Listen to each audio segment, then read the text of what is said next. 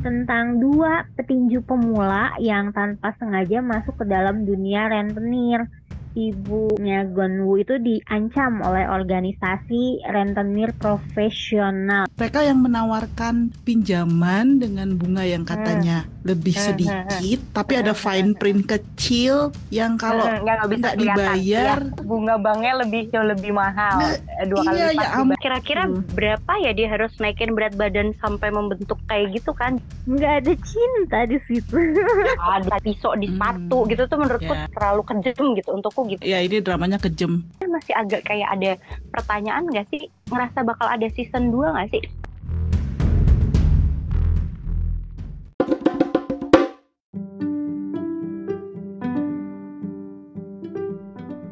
Halo, Anyong Cigundel.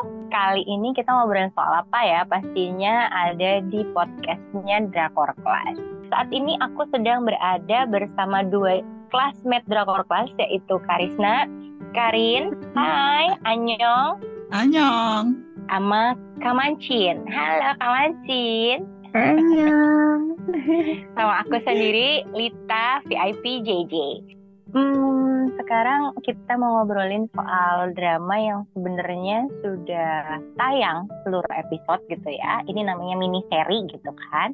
Ada 8 episode yang berkaitan tentang seorang petinju. Ya, itu clue-nya. Kira-kira Cinggudel udah tahu belum apa judulnya? judulnya Blood Hunt yang saat ini juga udah mulai ada komiknya ya di webtoon. Jadi eh, di webtoon sudah ada tertulis dari serial drama Korea terlaris. Wih, pokoknya gitu. Yang main siapa? Yuk kita dengerin aja Mancin yang menceritakan tentang resume atau sekilas lenyap tentang cerita Bloodhound. Silakan. Oke, okay, Bloodhound ini udah mulai tayang dari sejak 6 Juni 2023 lalu ya, dan tentunya di Netflix. Nah, serial Korea ini bercerita tentang Ganwoo yang diperankan oleh Woo Do Hwan dan Woo Jin yang diperankan oleh Lee Sang Yi tentang dua petinju pemula yang tanpa sengaja masuk ke dalam dunia rentenir setelah ibunya Gonwoo itu diancam oleh organisasi rentenir profesional. Uh, ngeri ya. Rentenir profesional nggak tuh? Nah, Keduanya tanpa disadari masuk ke dalam sindikat rentenir dan membongkar modus kejahatan yang terjadi. Di sini itu akhirnya dia kenalan sama mantan rentenir yang menurut aku tuh good to be true karena dia tuh namanya Presiden Choi Tae-ho nah diperankan oleh Ho Jun Ho dia tuh seorang mantan rentenir yang bertaubat gitu ya atau berhenti jadi rentenir terus dia minjem minjemin uang cara cuma-cuma gitu. Nanti gantiinnya atau kapan aja gitu bisa. Itu kayaknya kalau misalnya di Indonesia ada kayak gitu kayaknya hidup akan baik-baik saja gitu ya. Tapi ya itu tadi aku bilang tubuh-tubuh terus lah. Nah si Presiden CTH ini punya seorang anak gadis anak angkat bernama Kim Hyun Joo karena dia adalah satu-satunya yang ngurusin kerjaannya CTHO ini akhirnya CTHO memutuskan untuk merekrut bodyguard gitu ya untuk Kim Hyun Joo ini. Nah, yang direkrut adalah Kim Gan Woo sama Hong Woo Jin itu. Nah, ternyata perjalanannya mereka setelah udah bekerja bareng di situ, jadi ikutan berkecimpung di situ juga gitu. Dan banyak pemeran-pemeran yang lepasan ya pemeran lepasan cameo cameo ya. Karena sebenarnya dari 8 episode kalau nggak salah itu walaupun punya satu benang merah ya tapi kan ini cerita tadi udah dibilangin ya sindikat rentenir gitu. Jadi mm-hmm. yang kayak punya di eh, per episode tuh kayak punya cerita masing-masing ya. Selesai satu episode selesai tentang cerita si ini gitu. Kayaknya sih gitu ya walaupun uh, punya kayak punya satu garis lurus gitu. Tapi sempat ada per part per part yang sebenarnya kayak punya pembahasan masing-masing gitu kan. Ya kawan nih pasti gitu kan aku random banget memang ini gak genreku banget ya. Aku waktu baca tuh ya. Eh aku juga kaget loh uh, dirimu udah jelas, nonton biasanya kan dirimu udah jelas aku gak akan nonton manis, kan? manis betul manis manis manja gitu. Tiba-tiba Karis nonton. Oh my god tumben banget gitu. Ada nah, perubahan apa dalam dirimu? Biasanya itu penyebabnya ada dua hal ya. Pertama, gue baru selesai nonton satu drama. Dan yang kedua, gak ada tontonan. Ya karena aku kan juga lagi berusaha nonton itu tadi ongoing aja. Ya? nggak nonton yang langsung ya. serombongan banyak kan. Nah, terus tuh lagi gak jelas gitu hari weekend kan ini kan keluarnya Jumat ya. Nah hari ah, Sabtu betul. tuh aku nggak ada kerjaan, nggak ada tontonan iseng lah aku mau lihat. Apaan sih ceritanya? Kan aku baru selesai nonton Jason Attorney buduhan kan. Terus aku pikir ah lihat ah pas ya? ini momennya pas ya? Iya jadi aku pikir lihat ah kayak gimana sih? Gitu. Aku tuh udah mikir nggak akan suka sebenarnya karena tinju lagi. Bakal banyak berantemnya lagi cerita rentenir lagi. kayaknya tuh nggak banget deh gitu ya.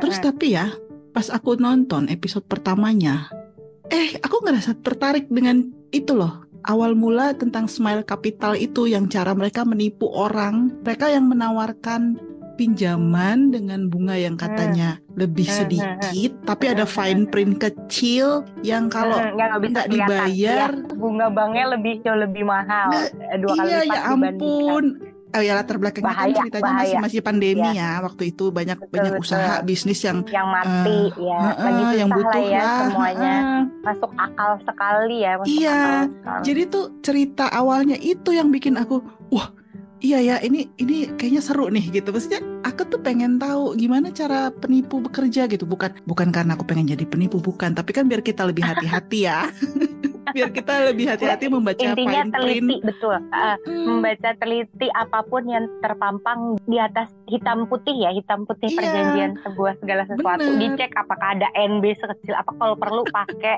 kaca ya, pembesar ya Bo ya tapi berikutnya juga yang bikin aku semakin tertarik nonton ini adalah ngelihat kan si Wuduhan sama Lee Sang-si awalnya tadinya kan mereka tanding ya lawan tanding lah ya dia uh, lawan tanding. lawan tanding dia tanding. Terus Toto uh, malah jadi sahabat gitu. Bestie, Kayaknya uh, Sang ini nggak nggak punya keluarga, nggak punya apa gitu dia jadinya nempel sama sama wuduhan gitu ya ke mana-mana.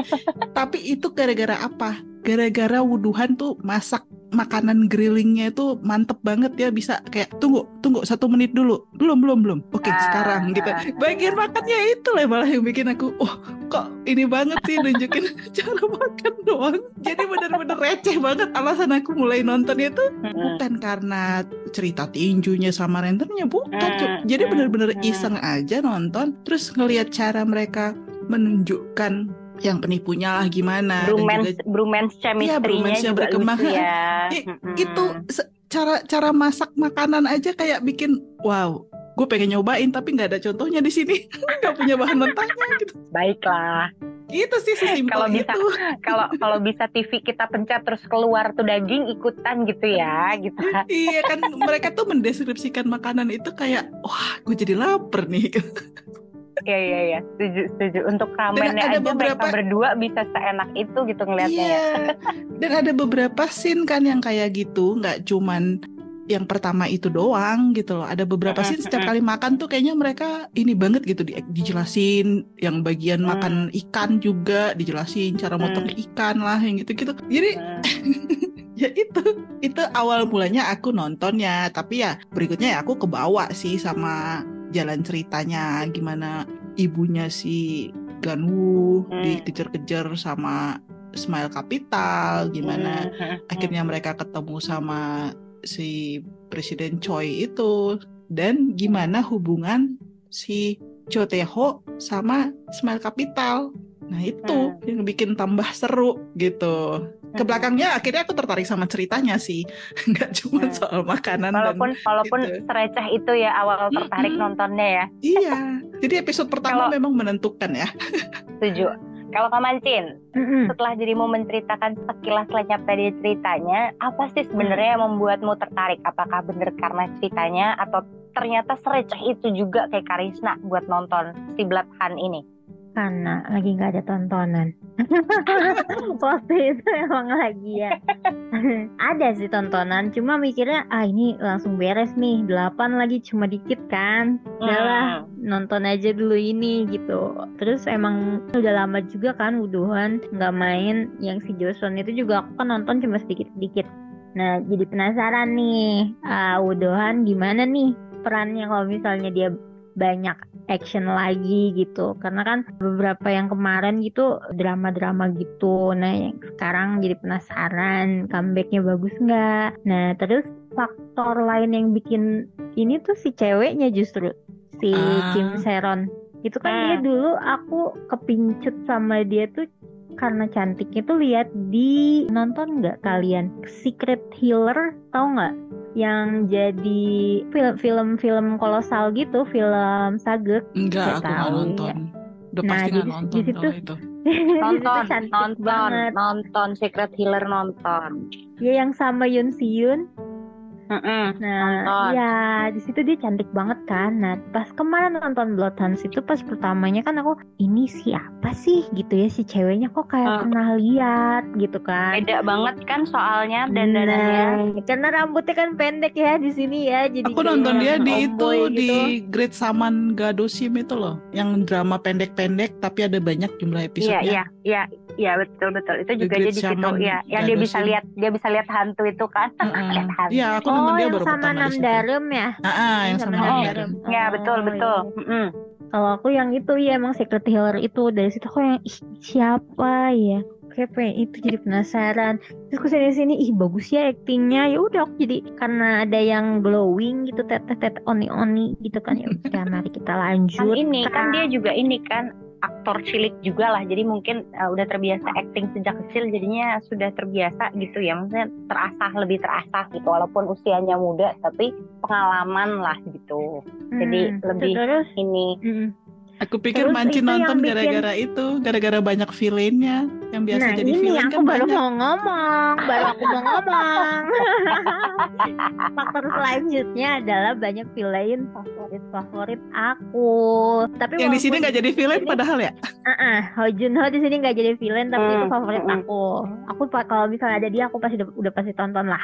Nah, eh yang Ah. yang Ho Juhan tuh yang mana sih? Bentar, bentar. Ho yang Juhan tuh jadi yang jadi, yang jadi presiden Choteho-nya, yang jadi Ah. ininya, yang Ah, jadi si mantan bapak-bapak rentenir. ya, ya, ya, ya, paham, Ah, paham. Itu kan dia ah, di mana pun jadi jahat kan? Oh enggak sih di missing nih, di missing, di missing dia kan Oh, jadi enggak baik. kok, enggak kok, enggak, Kenapa? enggak, enggak selalu maksudnya jadi jahat. Cuma memang kebanyakan jahat. Emang mukanya sih emang jahat. Salah ya. Mukanya memang memang penjahat gitu. Jadi pasti lebih. Tapi Itu enggak juga kok. Di ada beberapa Yang drama si ada. kandidat di Queen Maker, Ah iya Oh iya bener. iya iya iya iya benar benar benar Bener dia ada dia terus ada yang pasti yang bikin aku penasaran tentunya Park Sang ya kan dia tuh kan si smiley smiley tapi jahat akhir-akhir ini dia jahat terus main entah kenapa.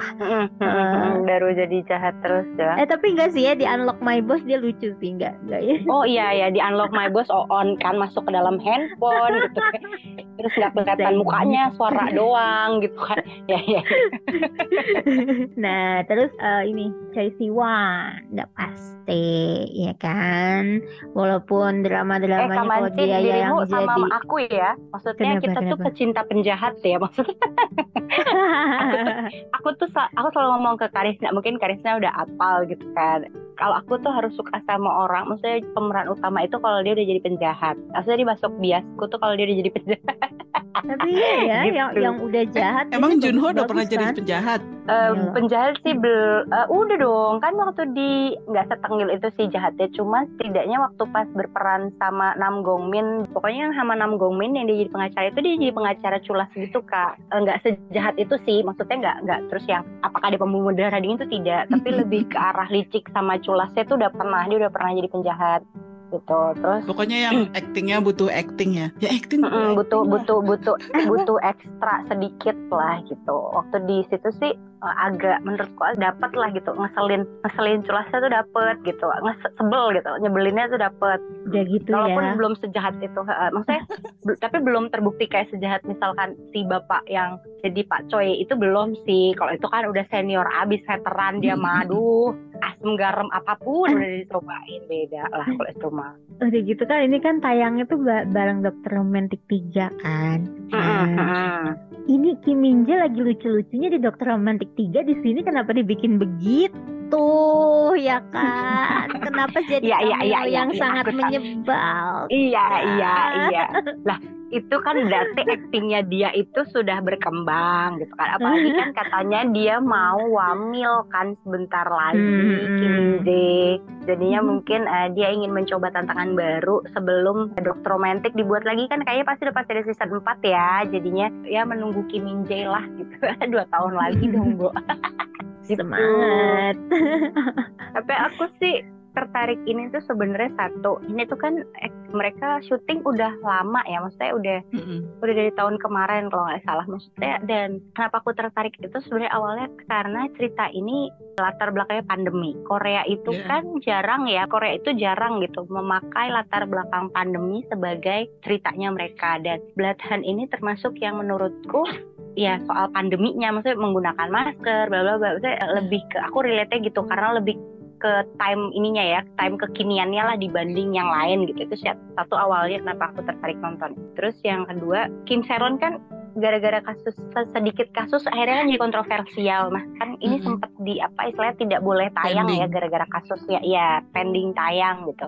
Akhirnya dia cuma keluar sampai di episode 6, 7, 8 nggak keluar lagi gitu kan, kan kayak gitu. Itu jadi menurutku butuh perjuangan film inilah gitu. Jadi akhirnya agak sedikit menanti ceritanya kayak apa sih gitu. Tapi emang keren sih menurutku keren gitu. Dan aku suka aksinya ya. Maksudnya aku awalnya gini kan, image Yi itu bukan tipikal yang bisa kayak gini. Aku ngerasa Hmm. kayak gitu ya. Lee Sang Yi itu di aku image-nya adalah kocak.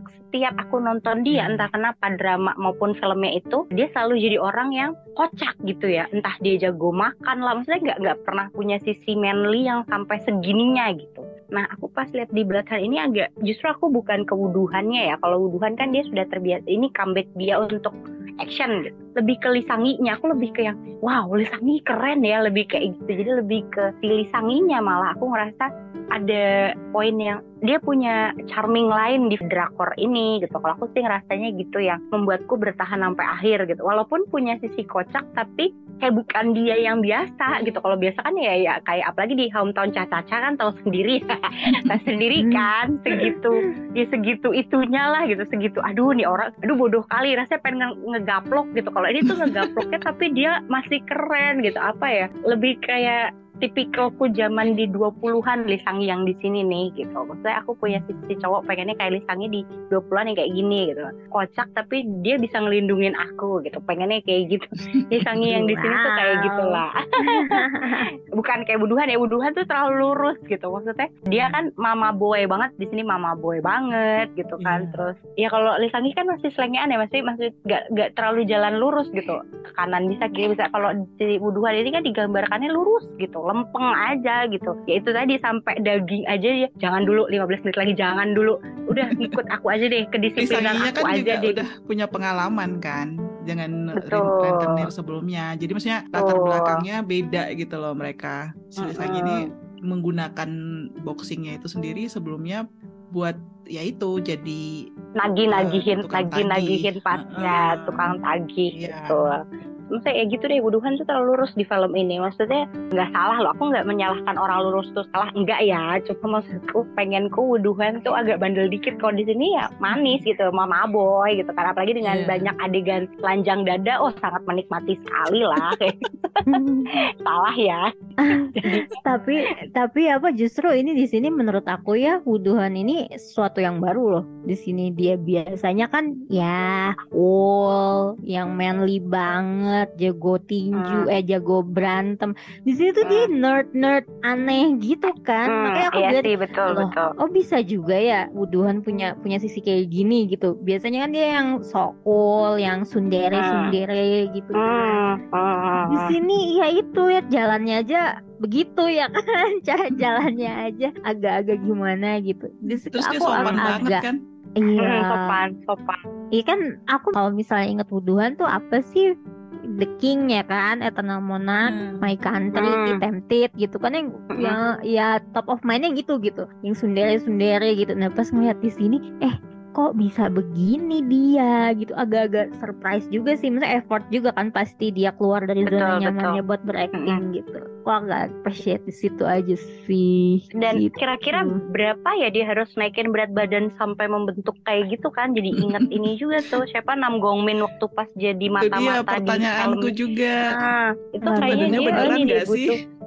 Kayaknya sih beneran karena aku ngerasa waktu pas Nam Gong Min itu dia beneran dia punya uh, have a, apa trainee sendiri gitu, trainee pribadi untuk jaga makan dia sama hanya khusus untuk ngegedein body mass doang ya, maksudnya si Iya. otot doang itu gitu. Itu sebenarnya beratnya bukan lemak, jadi bener ke body mass. Jadi dia turun pun cepet itu setelah di kan ini sebenarnya tayangnya itu kan setelah attorney Jason Attorney. attorney uh, Jason Attorney. Nah itu kan sebenarnya lebih belakangan dia syuting, tapi kan badannya dia udah nggak sebesar itu ya, maksudnya lebih cepet kempes. Nah itu Oh, karena ya, Jadi ini body dulu mass. Nambahnya nambahnya iya, iya, 10 iya. kilogram katanya di sini. hmm, berarti kan itu kan termasuk banyak ya. Itu Hmm, bagian empat- lehernya loh. Makannya Kelihatan jadi empat kali dalam sehari, guys. Jadi Wow. Tapi itu kayaknya ini deh makannya lebih ke protein ya. Maksudnya Iya. kalau iya kalau pasti kita makan nasi jaga langsung asupan pasti. Ya, kalau kita nasinya yang dibanyakin ya hello goodbye aja gitu susah turunnya. Nih kayaknya memang dia eh, protein banget deh. Maksudnya bener-bener protein terus susu jadi body mass-nya itu bener-bener dapet gitu. Tapi keren Iya, pas- loh, maksudnya dia Pas lihat kayak gitu, aku gini, ini pakai baju palsu atau pakai AI atau pakai apa ini? Tapi bisa juga sih. Kita nggak tahu ya kalau ada CGI di betul, baliknya. betul, betul, betul. Eh, penambahan sedikit lagi ya, walaupun badan juga iya, tapi setidaknya ada penambahan lagi pakai green screen kan kita nggak tahu ya. Gitu. Biasanya sih make up Lumayan. juga sih. Kan kayak Iya. misalnya Iya, bikin iya. apa sih efek-efek itunya juga eh, badannya ditebelin gitu pakai make up gitu kan juga kadang ada kayak gitu ya? kan. Enggak diedit di di make upin gitu loh Kak, Ah. dilukis badannya Ya, ya, di biar eh, terasa jadi lebih ada berfilm. efek kayak shading gitu. Aku sih, aku nanya deh, kan di episode 8 itu kan sebenarnya endingnya masih agak kayak ada pertanyaan nggak sih? Ngera- ngerasa bakal ada season 2 nggak sih? Pertanyaan konyol aja ya ini ya. Walaupun sebenarnya kan cerita sudah ending di Bagian end. mananya? Gitu kan. Bagian ada sih? kok, iya yang ini loh, eh, kan itu si selesai tuh sudah dengan siapa rentenir yang musuh utama kan sudah selesai. Cuma kan Mm-mm. ada tuh sisi-sisi yang hitungannya ya kayak si Choi Siwon-nya itulah Choi Siwon itu kan ya itu loh yang kayak ya bener nggak sih bakal bikin kan terakhir kan Yayasan. emas segala macam ya kayak gitu-gitu nah apakah bakal ada season 2 nya nggak mungkin menceritakan tentang apalah gitu dan aku tuh Ini ini Kalita ngarep nih, ngarep namanya. Yoi, maksudnya aku seneng gitu. Idolnya itu yang menurutku agak yang wow gitu. Di sini kan dia hitungannya dihina-dina gitu kan. Biasanya kan idol nggak mau ya, maksudnya ada range harga diri bawah itu dan Siwon tuh udah nggak gitu. Mungkin karena idol senior juga kali, jadinya ya agak yang Udah mau udah mulai bebas. Enak aja, enggak sih kayak kalau lah gimana mau pensiun orang perusahaannya dia yang megang bawah, maksudnya dia yang megang ininya kan kartu sujunya kan dia yang megang, maksudnya Ah. perusahaannya Choi Siwon jadi hitungannya ya terserah dia mau pensiunnya kapan. Justru gitu. karena udah jadi bos, jadi santai. Iya itu, ya namanya juga udah Nih. udah kaya dari lahir gitu lah, jadi begitu. Ini aku searching ya, ternyata ada kemungkinan bakal tayang di 2024. Nggak tahu nih, ini artikelnya valid atau enggak ya. Tapi beberapa Ah. artikel emang bilang akan ada season 2 di 2004 atau Ini 2005, bisa aja memang sih 2025. dikembangin. Netflix kan lagi hobi Hmm. aja gitu, apa aja dikembangin jadi season 2. Pokoknya intinya tonton aja Bloodhound karena ini menarik. Kita nilai dulu deh, 7 sampai 10 lah. Berapa Karisna? 7 sampai 10 nih naik nih range-nya Naik. Aku sembilan deh. Tuh, tuh kan. Karis kalau 9 tuh oke berarti. Pancin bro, pancin. Aku 8 deh. Kok jadi 8? Kenapa, Be? Ya, Ada apa sesuatu ya? apanya nih? Nggak ada cinta di situ. Aduh, kagak usah deh kali-kali. Dari Kagak awal juga nonton udah tahu nggak akan ada cinta itu loh. Iya, apa yang mau cinta di situ? Mubazir, mubazir Semuanya mubazir. begitu apa coba? Mau Mubazir, soalnya tabuk-tabukan pemeran begitu. itu lead male lead female cakep-cakep gitu masa nggak dijodohin aduh mubazir Jodohnya sama banget. gue, eh salah ya. Jangan-jangan sebenarnya tadinya akan ada, tapi gara-gara kasus kan katanya kan itu Iya, iya, dua iya, episode iya, terakhir iya, itu betul, diganti betul. ceritanya Betul, betul, setelah betul. mereka berhenti dulu gitu. Jangan-jangan itu si Kim Seronnya kan ke- kena kasus. Kena kasus, Kim Seronnya kena kasus ya, ada sedikit Mm-mm. kasus tidak mengenakan lah, jadi Iya. tayangnya agak diundur gitu. Jadi, Jadi diganti endingnya itu diganti. diganti, betul. Oh, gitu. gitu baik Mm-mm. Hmm, jadi mungkin di ending yang sebelumnya bisa jadi ada ada sedikit romance tipis-tipis ya. Tapi karena sebenarnya bisa kasus. sih kalau mau dengan yang baru yang ahli panah itu, tapi mungkin agak maksa sih kalau baru dimunculkan ujuk-ujuk ada Ah romansnya kalau enggak menurut ah, aku. no no no jangan lu. Ya maksud aku Ah, kalau mau. Kalau Iya emang nggak gak lucu. Makanya maksud aku sih ngelihatnya oke aja sih nggak ada romance. Aku udah nggak berharap romance dari awal kok. I know dari pertama nonton aku udah tahu ini jenis drama yang mana gitu. Kalau aku masih komplain soal Ah. romance itu aku salah sendiri gitu. Sama Kalau aku di sini delapan setengah deh. Aku delapan setengah deh. Apa yang kurang? Aku rada nggak, aku rada nggak seneng dengan pertarungan licik yang terjadi ya. Maksudnya ya memang sih karena ini kan bandit ya. Maksudnya lebih ke rentenir, licik-licikan. Cuma aku nggak suka misalnya ya itu di sepatu harus ada pisau di Hmm. sepatu gitu tuh menurutku Ya. terlalu kejam gitu untukku gitu. Ya ini ya ini dramanya kejam. Menurutku ini kejam. Iya. Ya warning buat yang mau nonton. menurutku akhirnya aduh Dramanya kejam oh ya berarti Budel tolong jangan mengajak anak-anak nonton di bawah 15 di bawah eh, 19 kejam gitu tahun. banyak darah-darah yang langsung ya pokoknya di bawah 17 deh kalau enggak ya pokoknya harus kalaupun 15 harus butuh Netflix pendampingan ngasih karena ratingnya berapa sih ini? Kayaknya umurnya? under under 17 deh. Eh atau 15 biasanya sih kalau ini 15an kalau gitu. Makanya aku bilang kalau ini beneran butuh pendampingan karena agak banyak ya adegan-adegan yang tidak patut untuk dicontoh ya gitu. Gitu ya Cinggudel kira-kira sekilas obrolan kita tentang Blood Hand dengan Wuduhan dan Lisangi Choi Siwon. Terus bapak siapa? Maaf Mancin eh, idola kamu itu. Pak Choi Pak Choi nama Pak aslinya Choi, ada Pak Hoi Junho, ada Lee Hayong, ada Ryu Soyoung, ada Hmm. banyak lagi. Yang pasti ada Pokoknya Kim Min intinya Jae. Ada Yang pasti ada Kim Min Jae. Titik.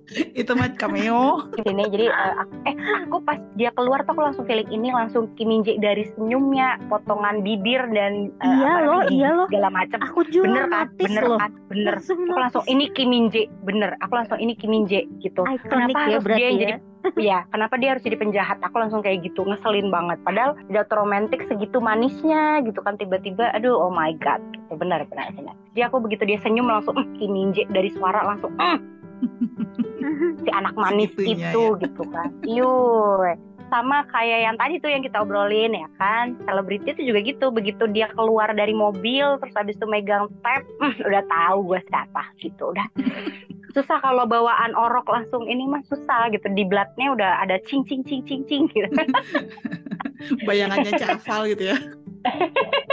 Enggak sih belum segitunya. Mungkin kalau Jisang bisa sih kalau Jisang bisa Oke. kayak kalau siluet bisa. Oke ditonton ya sekali lagi. Pokoknya kalau mengajak anak-anak diusahain tetap dengan pendampingan ya. Sekali lagi karena drakornya sangat keras gitu kan. Mm-mm. yang terus setelah itu boleh berdiskusi karena ini cocok banget buat diskusi karena banyak pesan-pesan kehidupan pesan moral bisa untuk dijadikan pelajaran banyak banget dari Hand ini gitu. Gimana untuk pesan-pesannya nanti langsung aja bisa ceki-ceki di websitenya Drakor Class karena biasanya kita akan menulis kelengkapan cerita dan lain-lain obrolan ini di website kita kan di drakorclass.com. Terus kalau misalnya kamu malas membaca langsung aja juga bisa ulasannya bakal ditempel. Selain itu juga kunjungin untuk likes dan follow Instagram kita Twitter juga sama dengan nama yang sama yaitu Drakor Class. Juga ada TikTok juga jadi semuanya aja diikutin medsosnya kita ya. Gitu aja sih Ngudel terima kasih banyak sudah mau dengerin obrolan kita bertiga hari ini. Annyeong. Makasih Karis. Makasih Klancin Annyeong, Makasih, makasih Mbak. Lita, makasih Mancin.